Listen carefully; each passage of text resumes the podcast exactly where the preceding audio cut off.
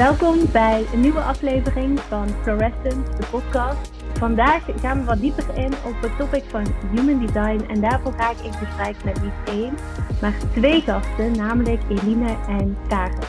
En Eline is business motivator en netwerkkoningin die community heeft voor startende vrouwelijke ondernemers met inmiddels meer dan 11.000 leden. En in deze community organiseert ze maandelijks netwerkevenementen, zowel online, maar ook fysiek voor het hele land. En daarnaast organiseert ze het Vrouwelijke Ondernemerschala, die onlangs is geweest, zag ik, dus daar komen we zo meteen vast nog even op terug. En net als ik is Elina Human Design een manifester. En in haar business werkt ze samen met Karen als haar rechterhand en sidekick.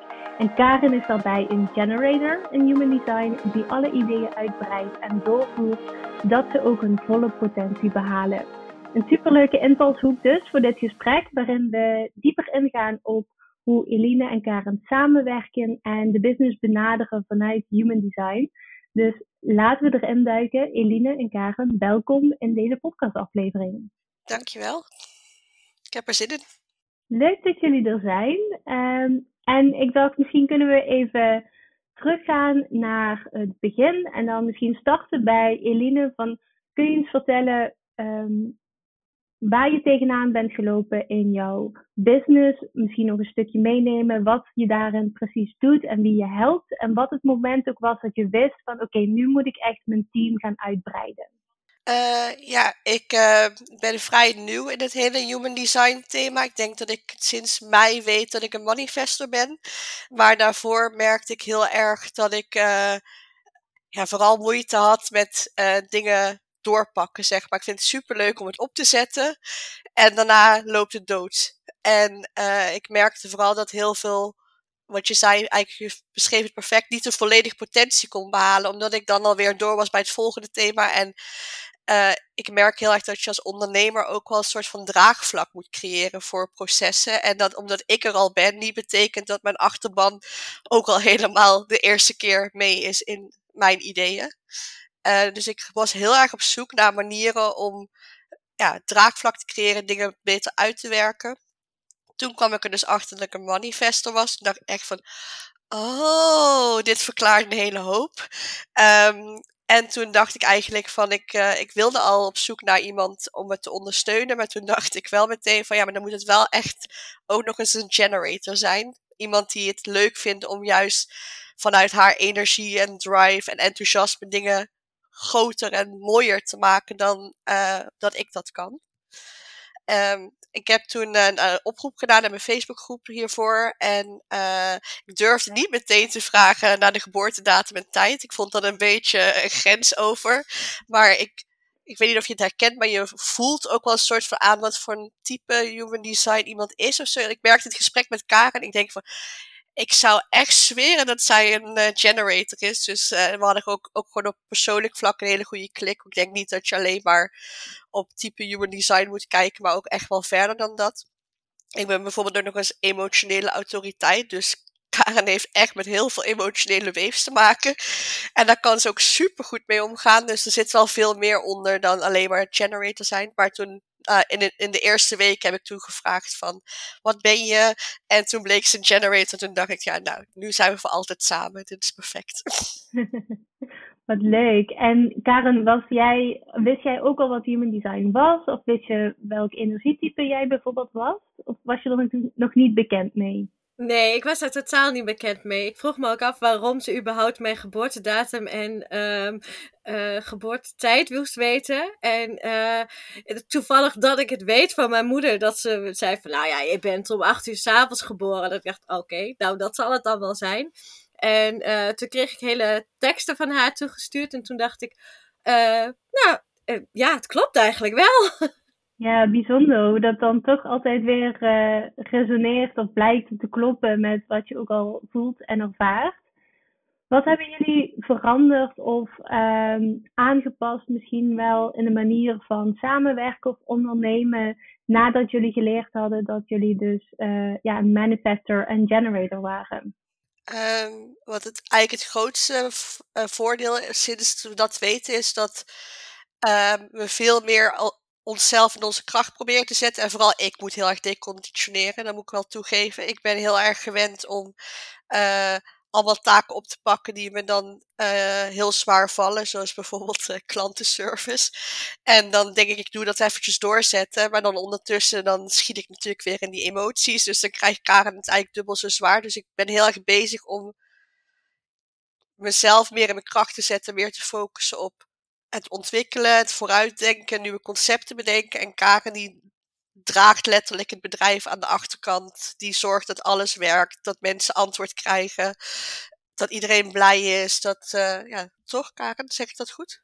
Ja, dat zeg je zeker goed. Ja. Of ik het bedrijf echt, uh, de achtergrond, dat doe ik zeker. Het bedrijf zelf, daar ben jij het grootste van. En, maar ik blijf ook het liefst op de achtergrond. En uh, ja, die emoties die erbij komen aan jouw kant, vind ik dan af en toe gewoon ook dat ik denk: oké, prima, chill out. nou, wel mooi dat jullie dan zo op elkaar zijn ingespeeld ook wel. En dat je dat nu weet uh, van elkaar ook. Zodat je er ook gewoon soort van rekening mee kunt houden, maar ook een mooie samenwerking uh, daarin ontstaat. Zijn er nog andere uitdagingen waar je tegenaan bent gelopen als manifester in het ondernemen of in je leven misschien? Um, ja, ik voelde me heel lang heel raar en uh, anders. En uh, alsof ik, alsof de hele wereld het snapte behalve ik, zeg maar. En ik heb heel lang moeten werken aan het accepteren van dat ik gewoon unieke ideeën heb, dat ik mag initiëren, dat ik niet hoef af te wachten op de reactie van anderen, dat ik geen toestemming hoef te vragen. En sinds ik dat ben gaan accepteren, uh, ben ik ook veel meer uh, die dingen gaan doen. En gaat het ook, stroomt het veel lekkerder, zeg maar. Dus ik moest heel erg lang werken aan het feit dat ik niet raar was, zeg maar. Ja, ja wel herkenbaar. Ik ben zelf natuurlijk ook een manifestor, dus ik herken wel veel uh, van wat je zegt. Zijn er ook bepaalde dingen in jullie communicatie waar jullie rekening mee houden? Of ja, human design is natuurlijk ook dat je een eigen strategie hebt.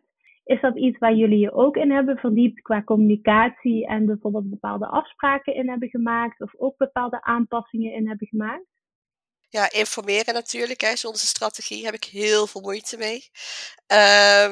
Um, dat is echt een ongoing proces voor mij om, om daar bewust van te zijn. En gelukkig kan Karen er heel goed mee omgaan, want ik informeer de helft van de tijd niet en dan doe ik het gewoon, zeg maar.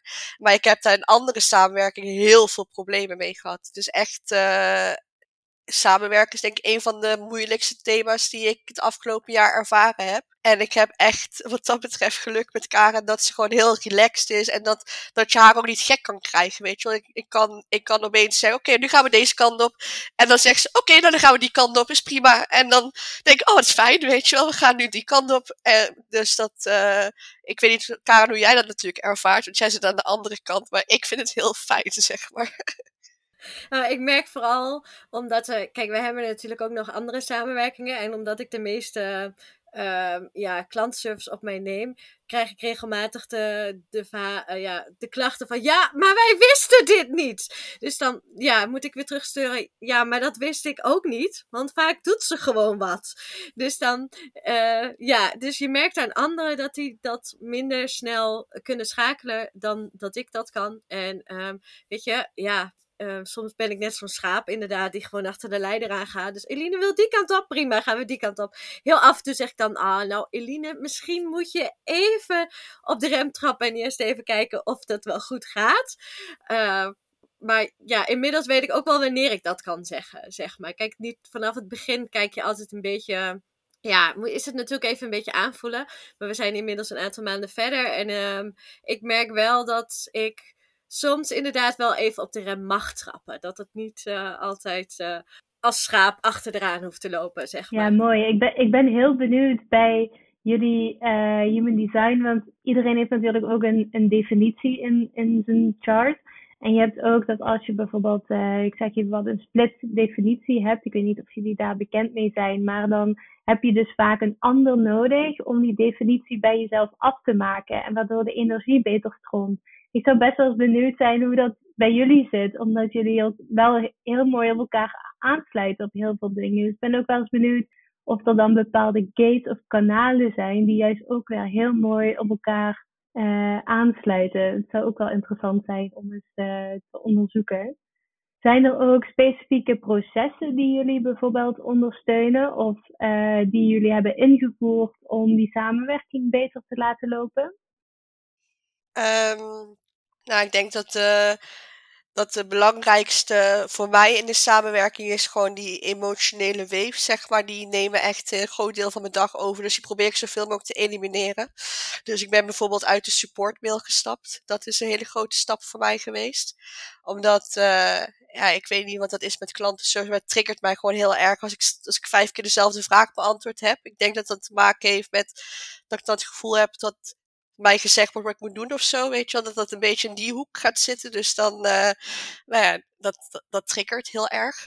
Uh, en dus nu doet Karen dat. En dat geeft wel, vind ik, structuur in ons bedrijf. Omdat er nu ook één aanspreekpunt is. En zij ook alle kennis heeft. Van alle situaties, alle vraagstukken.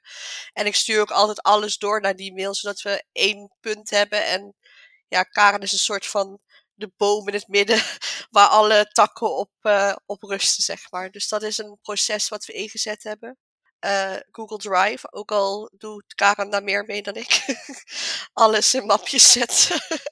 ja, ik werk nogal geordend en zij is niet heel geordend. Ik hou van dingen uitplannen en uh, weet je, zij geeft af en toe heel veel informatie. En um, dan heb ik af en toe zoiets van: oh, wacht even, ik moet dit even. Want anders kan ik het straks allemaal niet meer terugvinden. Um, de eerste dag al, toen het begon, toen ontplofte mijn telefoon van. Uh, voice-appjes en berichten en dingen. dingen. Oké, yes, we zijn begonnen. Leuk! dus uh, ja, wij hebben inderdaad wel uh, verschillende dingen wat we inzetten. En um, ja, die, die, ik ben gewoon heel geordend. En die, Eline moest ook vooral leren om dingen los te laten en dingen aan mij over te laten. Ja, wat mooi dat jullie elkaar dan zo daarin kunnen helpen en ondersteunen ook. Dat, uh, dat jullie allebei eigenlijk in jullie kracht uh, worden gezet. Ja, dat inderdaad. Ja, en ik ben ook benieuwd, hebben jullie bijvoorbeeld ook, uh, want je zei sinds mei, weet je dan over human design. En we hebben het net over het stukje ondernemen gehad. Zijn er ook bepaalde aanpassingen of zo die je hebt gemaakt in je leven, in je, persoonlijke leven, die jullie anders nu doen uh, nadat je geleerd had over je human design? Ja, voor mij is het vooral ja, heel veel zelfacceptatie geweest. Dat was echt een heel groot thema. Maar ook dus snappen bijvoorbeeld, ik ben altijd degene die alles organiseert en regelt en bedenkt, zeg maar. En soms denk ik van ja, laat ik een keer iemand anders dat doen. Maar nu snap ik veel beter dat, um, dat mensen ook het fijn vinden dat ik dat doe. En dat ik dat zelf eigenlijk ook fijn vind om dat gewoon allemaal te organiseren. Um, meer rust, dat is een heel groot thema. Dat ik echt overdag gewoon soms even time-out neem. Dat is echt nieuw. Want dat deed ik eerst totaal niet. Maar dat helpt echt heel erg. Dus uh, dat zijn voor mij de grootste dingetjes. Ja, en, uh, en voor Karen, die heeft drie kinderen. Dus het, ik denk dat ze aan het einde van de dag haar energie. Nou ja, ze heeft wel veel meer energie. Dat valt me ook op. Zij is echt altijd nog tot 1, 2 uur s'nachts wakker. Dan denk ik, waar haal je het vandaan met kinderen die dan om 6 uur s ochtends weer naast je bed staan. En, uh, en ze is uh, voorzitter van de oudercommissie. Echt, die vrouw doet zoveel. het is echt uh, ja, heel anders qua energie. Ja, dat kan ik niet ontkennen. Nee. Ja, ja wat leuk. Hoe gebruik je het bijvoorbeeld ook? Heb je gekeken naar bijvoorbeeld ook in het moederschap? Of is dat nog een, uh, een, een stap wat je misschien ooit nog uh, gaat maken? Qua human design en jouw kinderen wellicht. Um... Ja, ik merk, eh, ik merk vooral, ik ben vooral iemand die veel wil doen voor anderen. Dus um, ja, ik ben wel in de valkuil getrapt om uh, mezelf op de laatste plaats te zetten. En uh, ja, alles voor de anderen en alles voor het gezin te doen. Um, ik probeer nu meer uh, me-time voor mezelf in te plannen. En uh, dan uh, zeg ik ook tegen Eline, ik heb nou even me-time. Dus uh, dan probeert ze me ook zo weinig mogelijk te appen. want ik ben wel iemand die eigenlijk vrij snel reageert.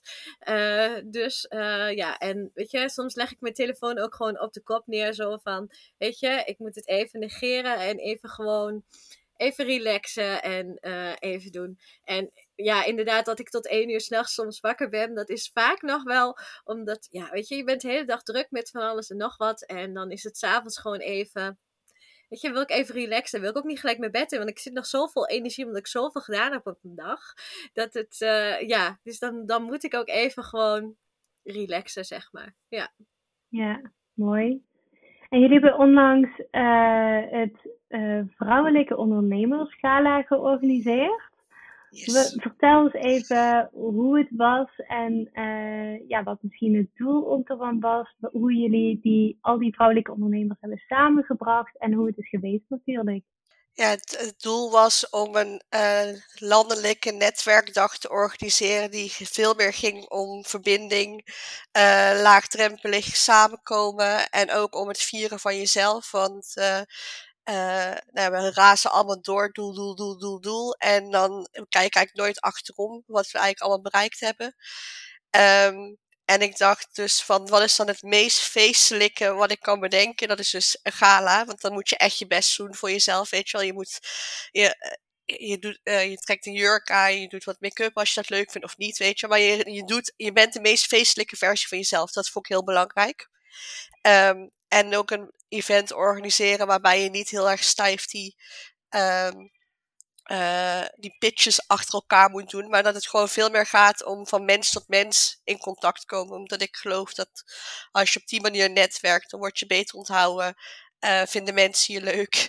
En dan komt daar vanzelf al de klant uit of de samenwerking of wat je nog meer kan bereiken. En ik geloof niet in dat hele stijve uh, pitch afwerken, zeg maar. Dus dat was het idee eigenlijk.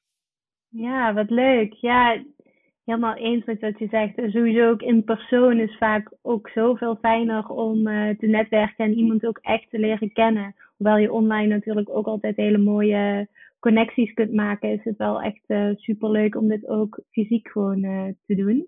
En jullie doen dit regelmatig? Of, um, want dit was niet de eerste keer, um, als ik het goed heb. Hè? Jawel.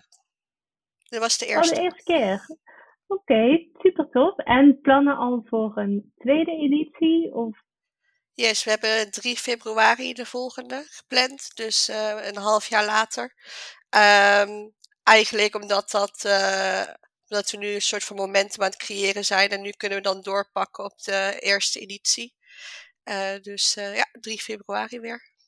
Ja, super tof. Ik zal het uh, onder deze podcast sowieso ook even linken voor uh, alle vrouwelijke ondernemers die, eh, die luisteren. En jij woont ook in Griekenland momenteel, hè? Yes.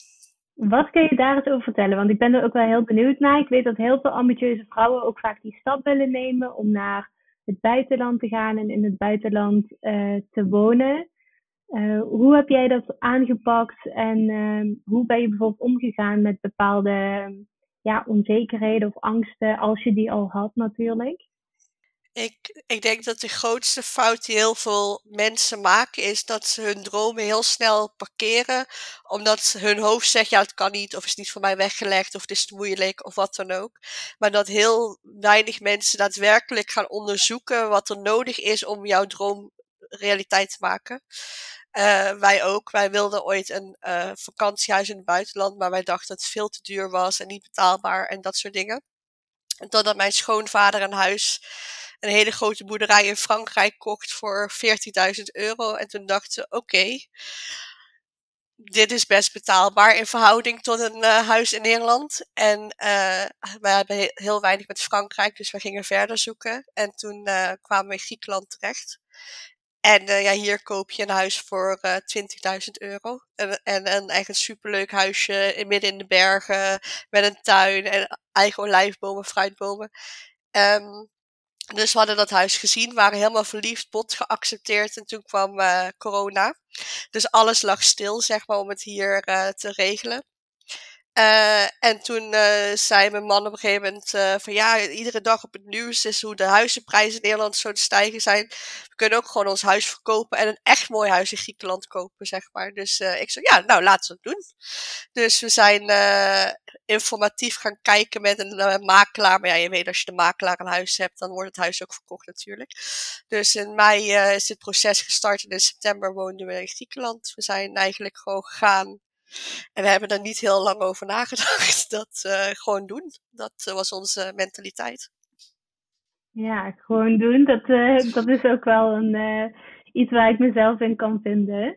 En hoe bevalt het nu om in uh, Griekenland te wonen? En hoe verschilt het bijvoorbeeld ook met, met Nederland? ja, dus totaal andere wereld natuurlijk. Het grootste voordeel vind ik dat het weer. En ons huis, we hebben hier echt een enorm fijn huis, maar vooral helemaal vrijstaand. En dat is zo'n gevoel van vrijheid wat ik in Nederland niet had. Um, toen, uh, toen we in ons huis woonden met die tuintjes die allemaal zo aan elkaar vastzitten. Ik voelde me daar heel erg opgesloten. Dus dat is voor mij de grootste win. En qua land is het echt. De cultuur is heel interessant. Ze zijn heel erg familiegericht hier. Heel erg uh, bezig ook. Onze buren is dan, die zijn in de 70, dus die hebben ons een soort van geadopteerd. Worden overal in alle familiedingetjes meegenomen van hun. Um, dus heel erg veel meer gefocust ook op een relax leven. Wat ik ook wel fijn vind. Dat, dat ik probeer altijd voor mezelf na te denken als ik 80 ben. Waar wil ik dan op terugkijken? Is dat dan dat ik heel hard gewerkt heb? Of is dat dat ik echt mijn droomleven geleid heb? Nou, dat laatste natuurlijk. En dat hier merk ik wel dat ik steeds meer die balans goed begint te krijgen tussen heel veel geven voor je werk, maar ook heel erg hard genieten. En dat vind ik wel positief aan Griekenland. Ik denk dat mensen daar een andere mening over kunnen hebben, maar ik haal dat er dan uit dat dat wel een mooie mindset is, zeg maar. Ja, ja, mooi. Mooie meiden. Ja, ik ben ook wel eens in Griekenland geweest. Het is ook gewoon een prachtig land. Lekker weer natuurlijk. Heel veel zon, dus dat is ook wel echt uh, altijd mooi meegenomen. En ambitieuze vrouwen kunnen natuurlijk naar het buitenland willen verhuizen, maar vaak ook hun eigen bedrijf willen opstarten en daar natuurlijk ook tegenaan lopen van waar moet ik beginnen of een bepaalde angst bijvoorbeeld uh, voelen. Uh, hoe werk jij dan met je klanten bijvoorbeeld of waar help je ze dan mee? Uh, ja, ik probeer vooral ehm, door de belemmerende overtuigingen heen te gaan en wel de stappen te zetten. Um, want die belemmerende overtuigingen gaan er altijd zijn. Every level a new devil. Ik heb je ook nog eens. Um, dus, en ze zijn er natuurlijk om je te beschermen in, uh, van oorsprong, maar ze werken je gewoon wel, ze werken niet mee, zeg maar. En je weet gewoon als je er doorheen breekt, uh, achter de wolken schijnt de zon, zeg maar. Dus je, ik probeer natuurlijk aan de ene kant voor mezelf dan heel erg aan mijn mindset te werken. En aan bepaalde overtuigingen, zoals dat ik mezelf raar vond. Die heb ik echt wel moeten oplossen voordat ik nog zichtbaarder kon worden. Maar ik weet aan de andere kant ook dat je soms ook gewoon moet denken van ja, even schouders eronder, doorzetten en uh, daar doorheen gaan. Dus ik ben heel erg bezig met mensen actie te laten ondernemen. Vooral niet te laten hangen in, in hun zelf gecreëerde ellende, om het even zo te zeggen. Dus dat, uh, dat is waar ik me vooral op focus. Mensen in beweging krijgen, doelen laten stellen, doelen ook gaan halen, acties ondernemen, opkomen dagen. Uh, dat eigenlijk. Zijn er bepaalde uh, tools of vormen van coaching bijvoorbeeld die jij hebt gedaan om zelf ook aan je eigen belemmerende overtuigingen te werken? Of heb je dat zelf bijvoorbeeld gedaan? Hoe heb je dat aangepakt? Um, heel veel uh, wel mindsetwerk gedaan. Dus echt wel um, ook op onbewust niveau. Dus met hypnose erbij, zeg maar op dat niveau echt die overtuigingen naar boven halen en ombuigen. Dat heeft me heel erg geholpen.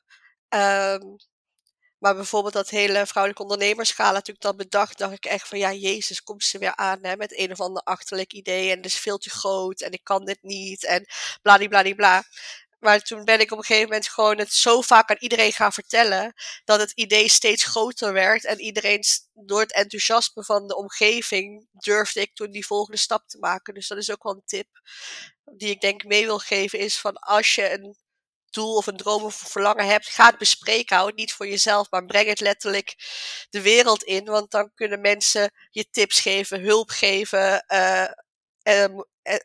motiveren en dan wordt het opeens werkelijkheid. Terwijl als je het alleen in je hoofd houdt, probeer maar het zelf door al die belemmerende overtuigingen heen te breken en het ook nog uit te voeren. Dat is best wel lastig. Daar heb je echt wel soms nou ja, mensen voor nodig.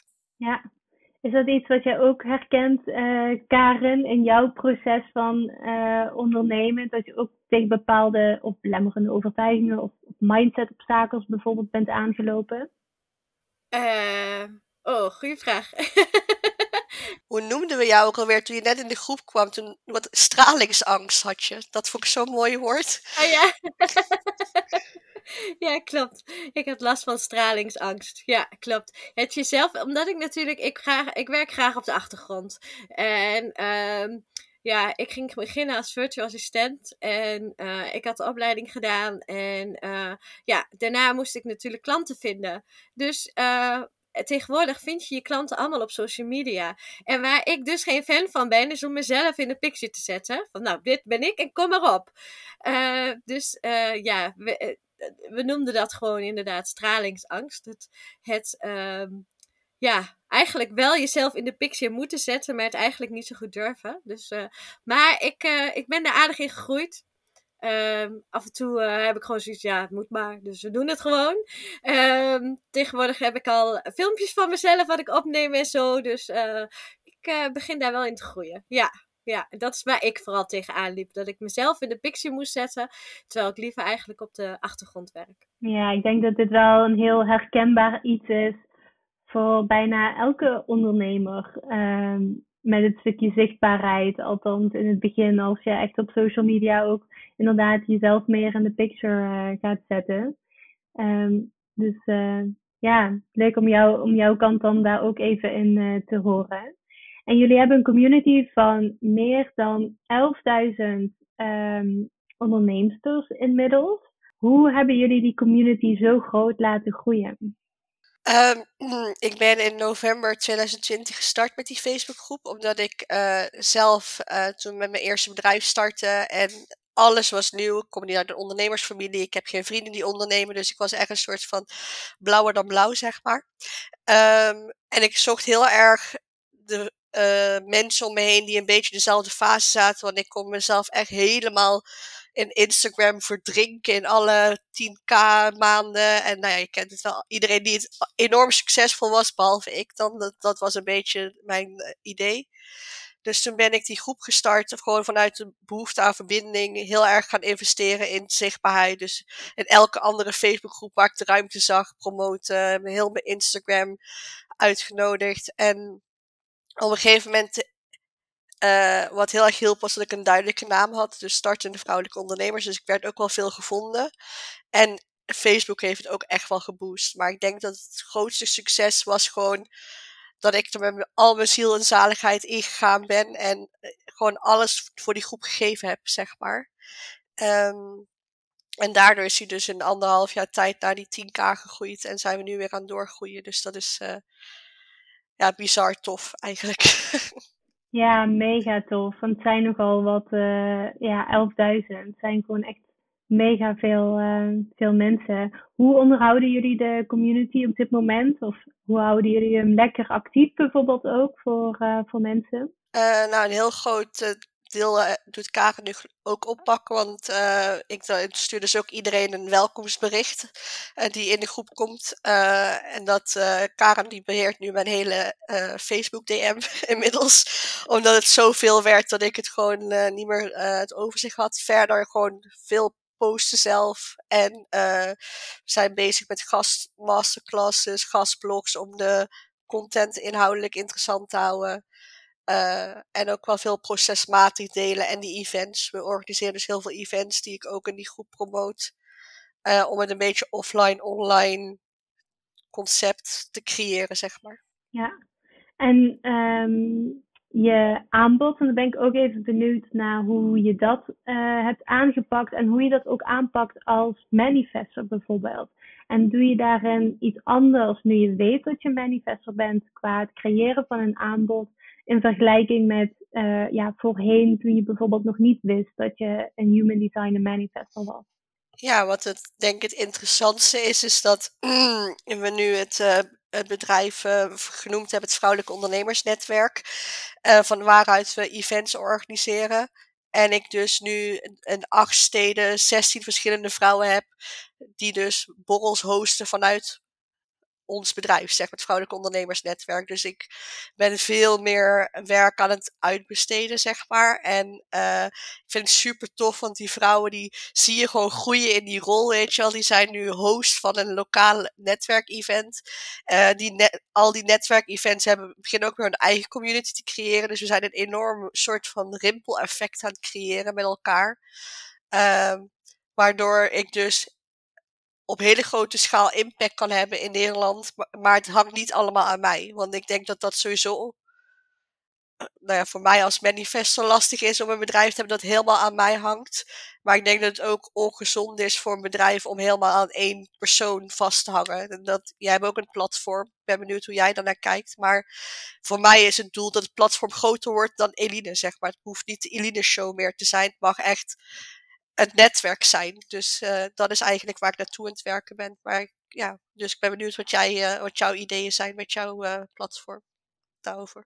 Ja, ja, daar kan ik me wel in vinden. Want wat typisch is voor manifester is natuurlijk het stukje een beweging creëren. En inderdaad een stukje initiëren en ehm, ja, het uitbesteden wat jij zegt is ook wel een mooie, zodat je het groter kunt gaan aanpakken in plaats van dat het allemaal aan jou vasthangt. En dat is ook wel de, ja, waar ik mijn keuze uiteindelijk op gebaseerd heb om uh, het niet meer alleen op mijn naam ook te hebben, maar inderdaad het platform soort van te gaan lostrekken en wat algemener te maken als uh, soort van umbrella brand, waar dan wel heel veel dingen onder kunnen hangen.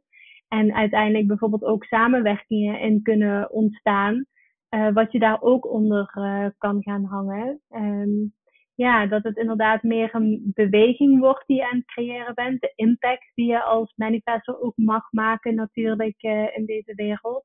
En ja, dat dat dan losstaat van, uh, van jouzelf. Ja, dus ik kan me helemaal vinden in, uh, in hoe je dat hebt aangepakt. Is er iets, want ik weet niet of jij ook persoonlijke coaching ehm, doet naast het netwerk, de netwerkevenementen die je hebt. En heb je daar bijvoorbeeld ook uh, veranderingen in gemaakt? Um, ja, ik kan nog op één ding teruggaan. Ook heel interessant, want wat jij zei en wat ik echt denk dat voor manifestors heel belangrijk is, is om, een, om die paraplu bedrijven te creëren. Ik denk dat dat voor ons het allerhandigste systeem is dat je gewoon één paraplu hebt waar je gewoon alles, al je ideeën onder kan hangen. Dus die wou ik nog uh, meegeven. Want ik denk dat uh, ik ken heel veel manifestors die heel erg struggelen met. Ja, en dan doe ik nu dit en dan doe ik dat en dan doe ik dat. En terwijl ik denk, als je dan inderdaad die paraplu creëert, kun je echt heel mooi uh, alle, alle kanten opschieten. En maar mensen snappen het nog. Dus dat wou ik nog meegeven. Um, en ja, wat ik vooral geleerd heb, is ik ben dus begonnen pre-manifesto tijdperk met een jaartraject. Dat vind ik echt heel pittig. Mm-hmm. Ik merk eigenlijk dat ik het allerlekkers ga op één dag. Zo'n eh, zo'n één op één dag waarin ik echt alles kan geven, waarin ik je helemaal overspoel met actiepunten en groeien en ideeën en dat het dan daarna klaar is, zeg maar. Dat is eigenlijk uh, iets wat ik nu probeer te wijzigen voor mezelf, of in ieder geval wel naar kortere één op één trajecten gaan van in ieder geval drie maanden en dan kunnen we verlengen. Maar dan is er in ieder geval een kop en een staart. Ik merk dat nu een jaar die energie hoog houden wel pittig is. En dat ik daar ook wel in het zoeken ben van hoe ga ik dit aanbieden. En ik ben ook veel meer van groeps naar één op één gegaan. Vind ik eigenlijk veel leuker. En, uh, dus dat zijn allemaal wel wijzigingen die ik nu doorgemaakt heb, ja. Ja, interessant wat je net ook zegt. Omdat uh, ik ervaar dat ook zo als manifestor. Dat je gewoon meerdere verschillende kanten op kunt schieten. En het, ook het, de duur van het traject ook. Want ik merk dat heel veel manifestors dit ook hebben. Is dat op een gegeven moment zijn ze gewoon ergens klaar mee. En dan, dan is het gewoon tijd om naar het volgende te gaan. En dan als je dan nog een hele lange tijd bijvoorbeeld um, ergens aan vast zit. Ja, dat klinkt bij coaching misschien wat minder eerbiedig om aan iemand vast te zitten. Terwijl je dat wel echt nog wel leuk vindt hoor. Maar Um, het is pittig qua energie om je dan op één ding uh, te richten. Terwijl je dan alweer klaar bent om bijvoorbeeld het volgende te initiëren. Dus uh, ja, dat is denk ik voor heel veel manifestors um, uh, heel herkenbaar.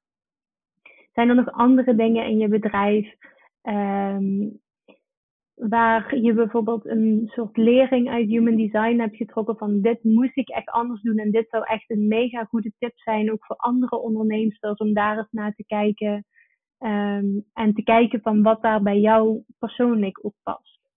Ehm, ja, ik denk vooral uh, het dat je geprogrammeerd bent om een soort generator te zijn terwijl je een bent. Dus qua energie en qua uh, taken doen, zeg maar. Ik denk waar ik het meest trots op ben het afgelopen jaar, is dat ik steeds meer in mijn kracht ben komen te staan. Dat Karen steeds meer in haar kracht staat binnen onze samenwerking. En dat we dus echt nu uh, vanuit uit je kracht ga je zoveel lekkerder werken, zeg maar. En ik moet nog steeds heel veel leren om dingen los te laten. En, en bij haar neer, bij Karen neer te leggen, dat is nog wel een uitdaging. Maar als ik het niet doe, merk ik het ook meteen dat dat niet mijn kracht is wat ik aan het doen ben. Dus dat ik, ik loop erop leeg. Het kost me heel veel energie. Ik word heel boos. Heel boos. Uh, ik, denk dat we ongeveer elke dag. Uh, ja, ze lacht nu heel hard. Dat we ongeveer elke dag uh, even weer een woedeaanval van Eline te verwerken hebben. Um, en dan denk ik van, dan merk je dus zo hard dat je zo niet in je element zit. En ik denk dat dat ook een stuk is van waar wil je op je tachtigste op terugkijken dat je, je mag als mens kiezen om alleen maar in je element te werken. En dat is echt een conditionering die ik moest maken, want ik geloofde heel erg dat ik maar gewoon moest dragen. En dat het er maar gewoon bij hoorde. En dat je maar gewoon voor middelmatig moet gaan, om het eventjes zo te zeggen. Maar je mag voor fantastisch gaan. En als je dat doet, dan stroomt alles ook veel meer. Dat is eigenlijk waar ik uh, heel erg bewust van geworden ben. En wat ik nog niet genoeg terugzie in, uh, in de maatschappij. Ik denk dat nog heel veel mensen kiezen voor oké.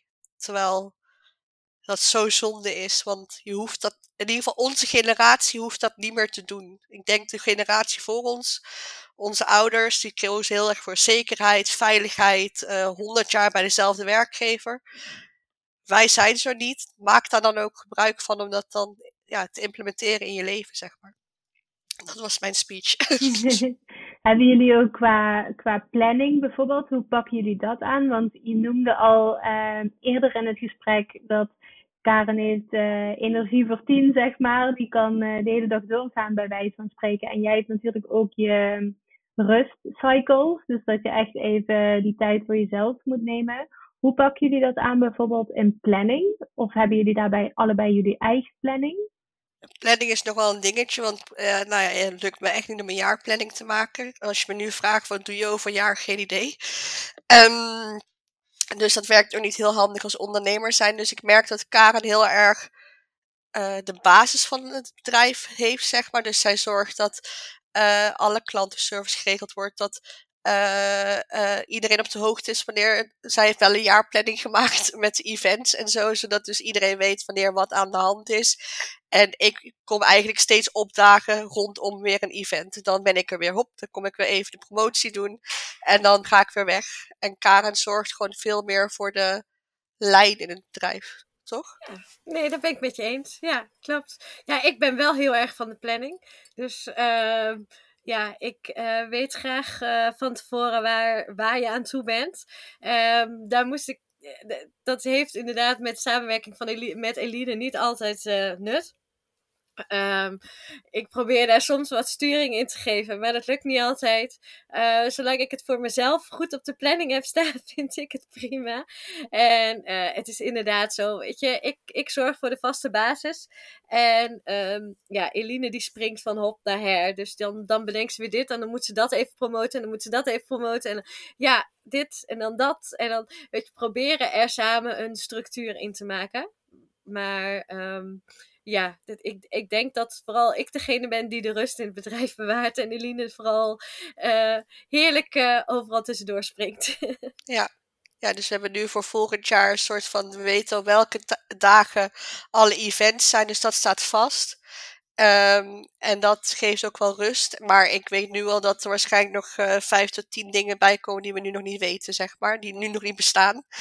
Um, En dan, daar wil ik wel de ruimte voor hebben. Dus ik wil eigenlijk die jaarplanningen verder ook leeg houden. Zeg maar. dit, dit komt dan terug, want dit moet gewoon groeien. En dit moeten we de kans geven om echt een bekend concept te worden. Maar daaromheen moet er vooral niks uh, uh, gepland zijn. Want daar word ik heel erg onrustig van. En we hebben nu ook al met social media bijvoorbeeld afgesproken dat Karen wel bijvoorbeeld van het Vrouwelijk Ondernemersnetwerk een beetje zorgt dat in ieder geval iedere week gepost wordt. En dan post ik wel rondom de events, want dan ben ik weer aan. Maar dat consequent zijn kan ik totaal niet. Dat, uh, daar heb ik heel veel moeite mee om dat consequent zichtbaar te zijn, consequent op te komen dagen, zeg maar. ook wel een manifestal dingetje, volgens mij.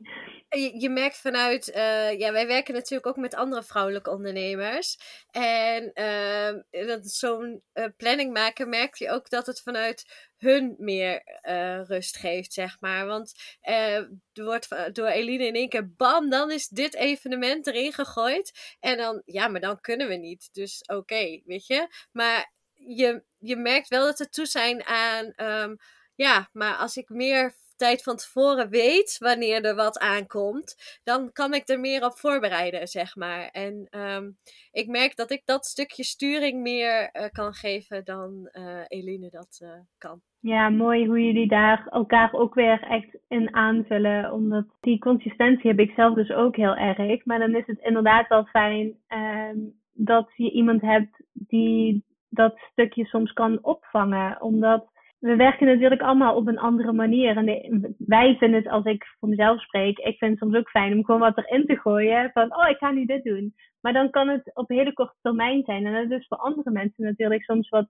moeilijker. Van, oh ja, maar dan, dan ben ik inderdaad al bezet. Of dan kan ik niet. Of het is te kort dag om, uh, om nog aanpassingen te maken. Mijn planning of wat dan ook.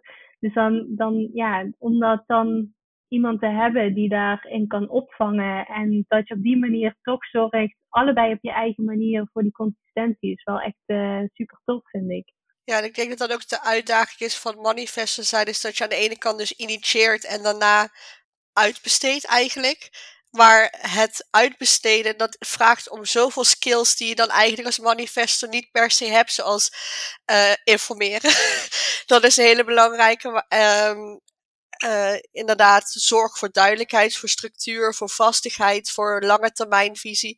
Dus ik vind dat best wel een raar concept dat we aan de ene kant dus gemaakt zijn om het te initiëren en daarna door te gaan dat iemand anders het voort mag zetten, maar dat je eigenlijk dan niet per se de skills hebt om dat heel goed te doen. Dus, daar heb je dus eigenlijk weer een laag tussen. Dus ik ben heel blij met Karen dat ik ook alleen met haar hoef te communiceren. Want ik kan dus niet met al die 16 vrouwen tegelijk communiceren. Dat is weer veel te veel, zeg maar. Dus dat, uh, en we groeien ook nog. Hè? Dus de volgende keer worden het 20. En nou ja, ik denk alleen maar. En zij, en zij heeft die rust en de lol daarin. In dat allemaal regelen en overal. Dat zeg maar. Dus dat is. Uh, ja, ik vind het soms wel gek dat manifesten zijn en, en onze rol in, in een onderneming, zeg maar. Ja, het is eigenlijk, als je, ja, het is inderdaad uh, dat uh, hoe wij werken is eigenlijk best apart inderdaad als je je bedenkt dat de hele rest van de wereld heel anders werkt. En dat er dus inderdaad dat stukje van bepaalde dingen ook afmaken, dat we daar dus eigenlijk altijd iemand anders ook voor nodig hebben. Uh, om dat proces gewoon echt heel goed te laten lopen. Anders zullen we als manifestor veel sneller ook tegen bepaalde uitdagingen gaan aanlopen. Of bepaalde blokkades. Of dat die flow weer niet doorloopt. Dus dat is wel uh, ja, een hele interessante inderdaad. Um, ik denk dat we het gesprek zo een beetje gaan, uh, gaan afronden. Ik vind het in ieder geval echt super tof om te horen hoe jullie beiden in de samenwerking staan en hoe jullie ja, als eigen energietype ook zo afgestemd zijn op elkaar en elkaar ook zo mooi uh, aanvullen daarin. Dus dat vond ik echt super tof uh, om te horen. Misschien als laatste is het nog even leuk um, om, stel dat, want er luisteren natuurlijk heel veel ambitieuze en ondernemende vrouwen. Dus stel iemand is bezig met het opzetten van zijn bedrijf of wil bijvoorbeeld ook een eigen community creëren. Welke tips kun jij dan wellicht nog, uh, nog meegeven aan diegene? Gewoon doen. dus uh, eigenlijk gewoon gaan uh, niet te veel blijven hangen in de creatiefase, niet te veel blijven hangen in de bezigheidstherapie van allemaal dingen die belangrijk zijn. Het belangrijkste is om te gaan, klanten te werven, marketing te doen. En vanuit daar volgt de rest vanzelf. En hoe langer jij uh, blijft hangen in die voorfase, hoe moeilijk het wordt om door te zetten. En je kan pas weten of iets bij je past of niet als je het gedaan hebt. Uh, en uh, nou ja, de beste tijd om te starten was gisteren. Dus uh, ik zou het gewoon uh, gaan doen, dat eigenlijk. Ja, dat vind ik een mooie om mee af te sluiten. Gewoon doen.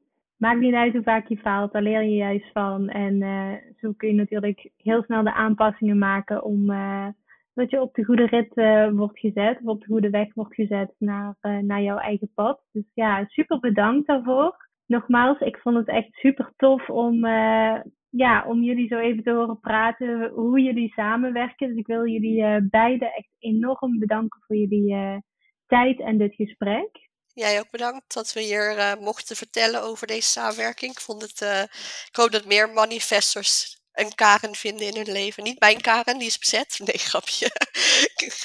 maar um, meer mooie samenwerkingen. Dat gun ik iedereen. Ja, ik denk dat ook echt wel veel mensen als ze manifestor zijn, dat dit gesprek je echt aan het denken zet. Ik ben zelf ook weer geïnspireerd om weer even goed naar mijn business ook te kijken van oké, wat kan ik inderdaad nog aanpassen uh, om het nog beter te laten lopen. Want als ik jullie zo hoor met deze samenwerking, is dat wel echt uh, ja, een ideaal uh, plaatje als ik het zo aanhoor. Dus ja, super tof.